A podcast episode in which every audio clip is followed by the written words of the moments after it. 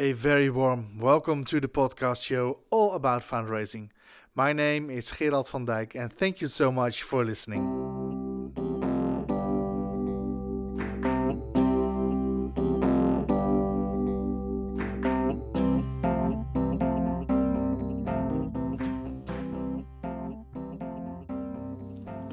Thanks again for tuning in to this podcast all about fundraising.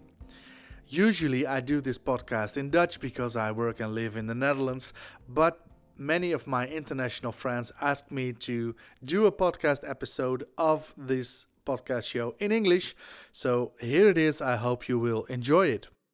As you can hear, I'm not a native speaker, so I apologize in advance for my language.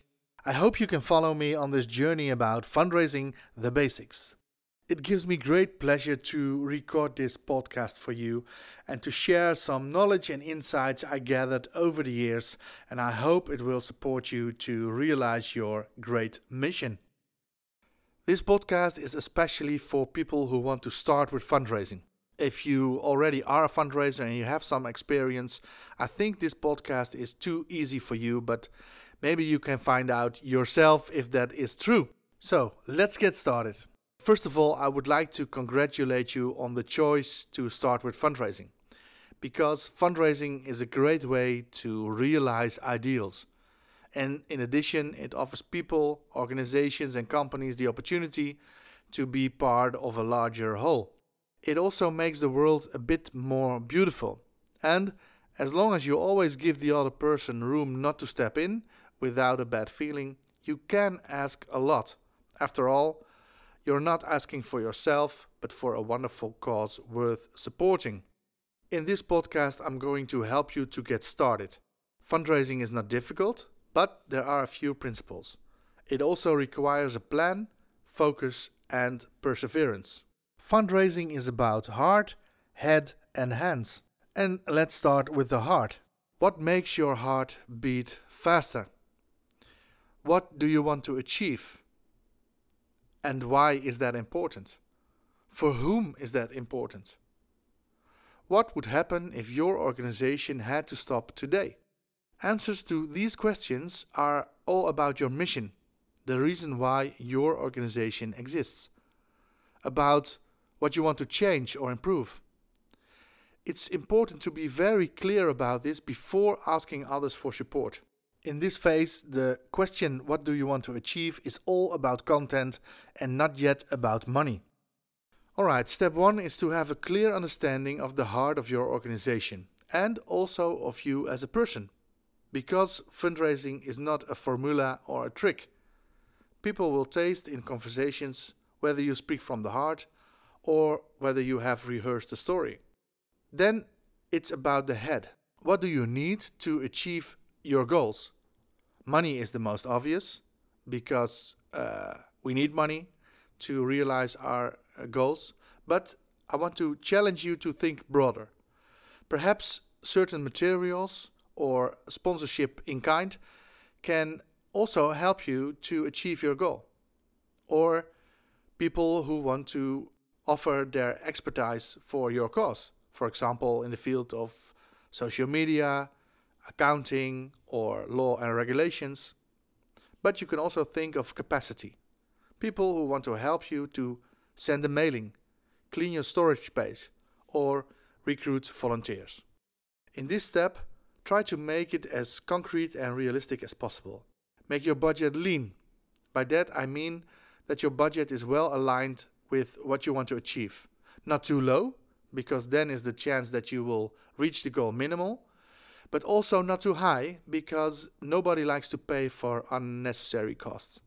In addition to the question of what you need, this step is also about who are the stakeholders. In other words, who shares the goal you want to achieve. There are usually different stakeholders with different interests, and that's okay. For stakeholders, you can think of national or local government, individual donors, businesses and businessmen, foundations, churches, schools, etc. Before you start, make a list of possible stakeholders per project. So, not for your organization, but on the level of project, because each project could have different stakeholders. try to estimate the extent to which they are interested in your goal. And the next question is Are these stakeholders also willing and able to contribute?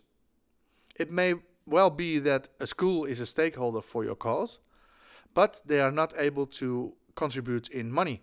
In that case, you can see if they can organize something that will generate money, such as a sponsored walk with students or a gala evening with an auction.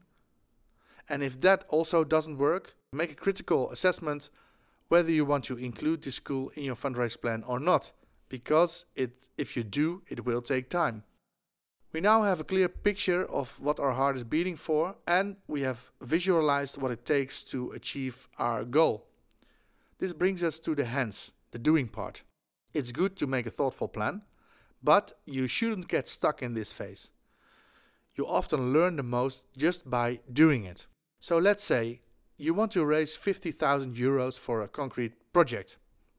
It can be any kind of currency, it's just an example and you have a map of who the stakeholders are in this case. Then you can make a subdivision to arrive at 50,000 euros. Suppose for your project the stakeholders are companies, local government, individual donors, foundations, and churches. The next step is to make an estimate of the potential for each channel. So let's say we need 50,000 euros and we want to divide that in these channels and let's say from companies we think we could get 15,000 euro. And from the government also 15,000 euro. That makes 30. Then from individual donors 5, from churches 5, and foundations 10. That makes 50,000. Then you can also make a subdivision by channel.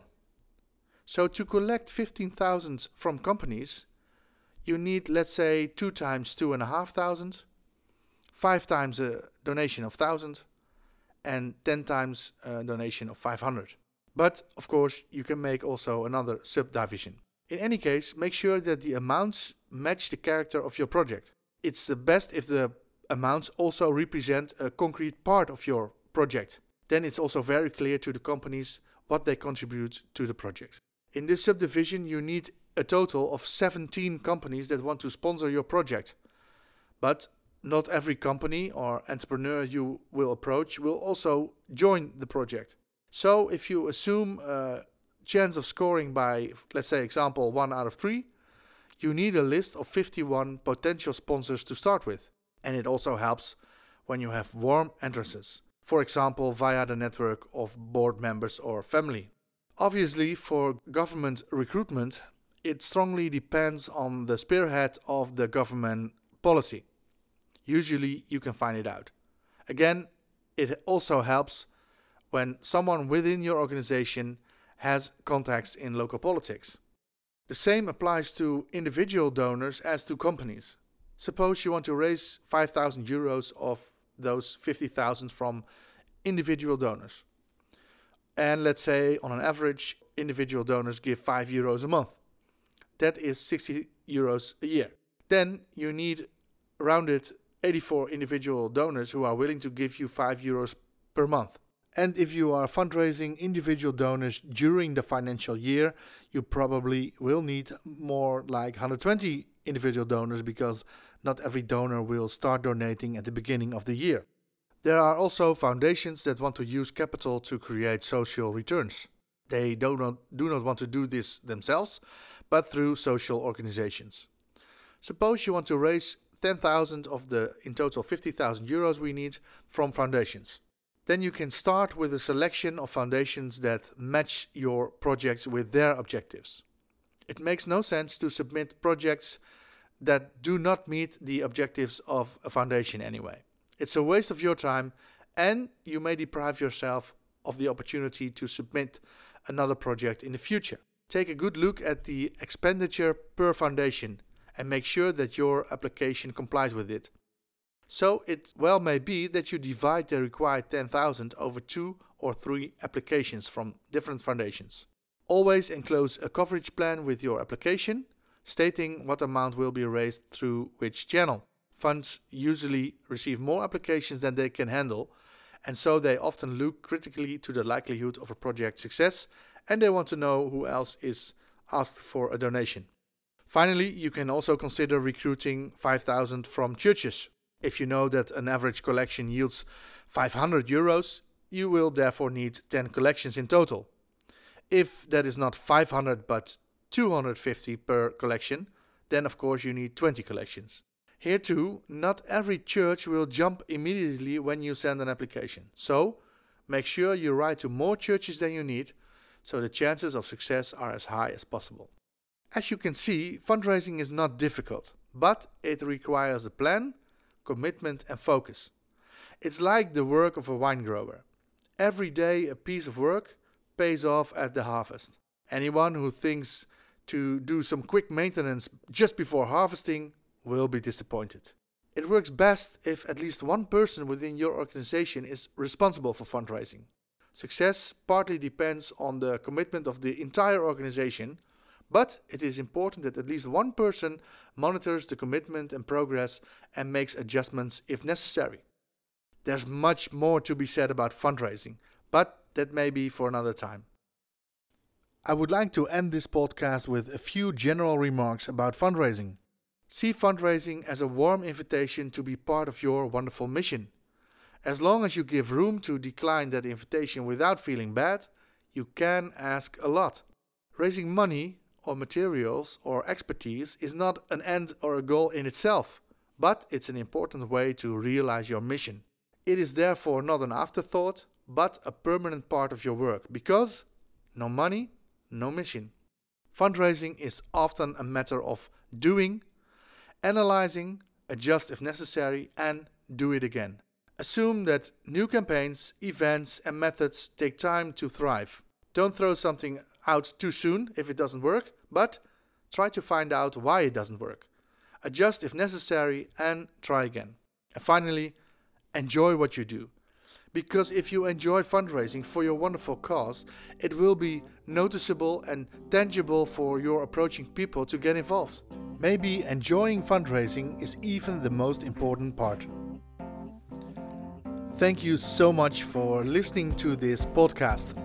I wish you all the best and good luck.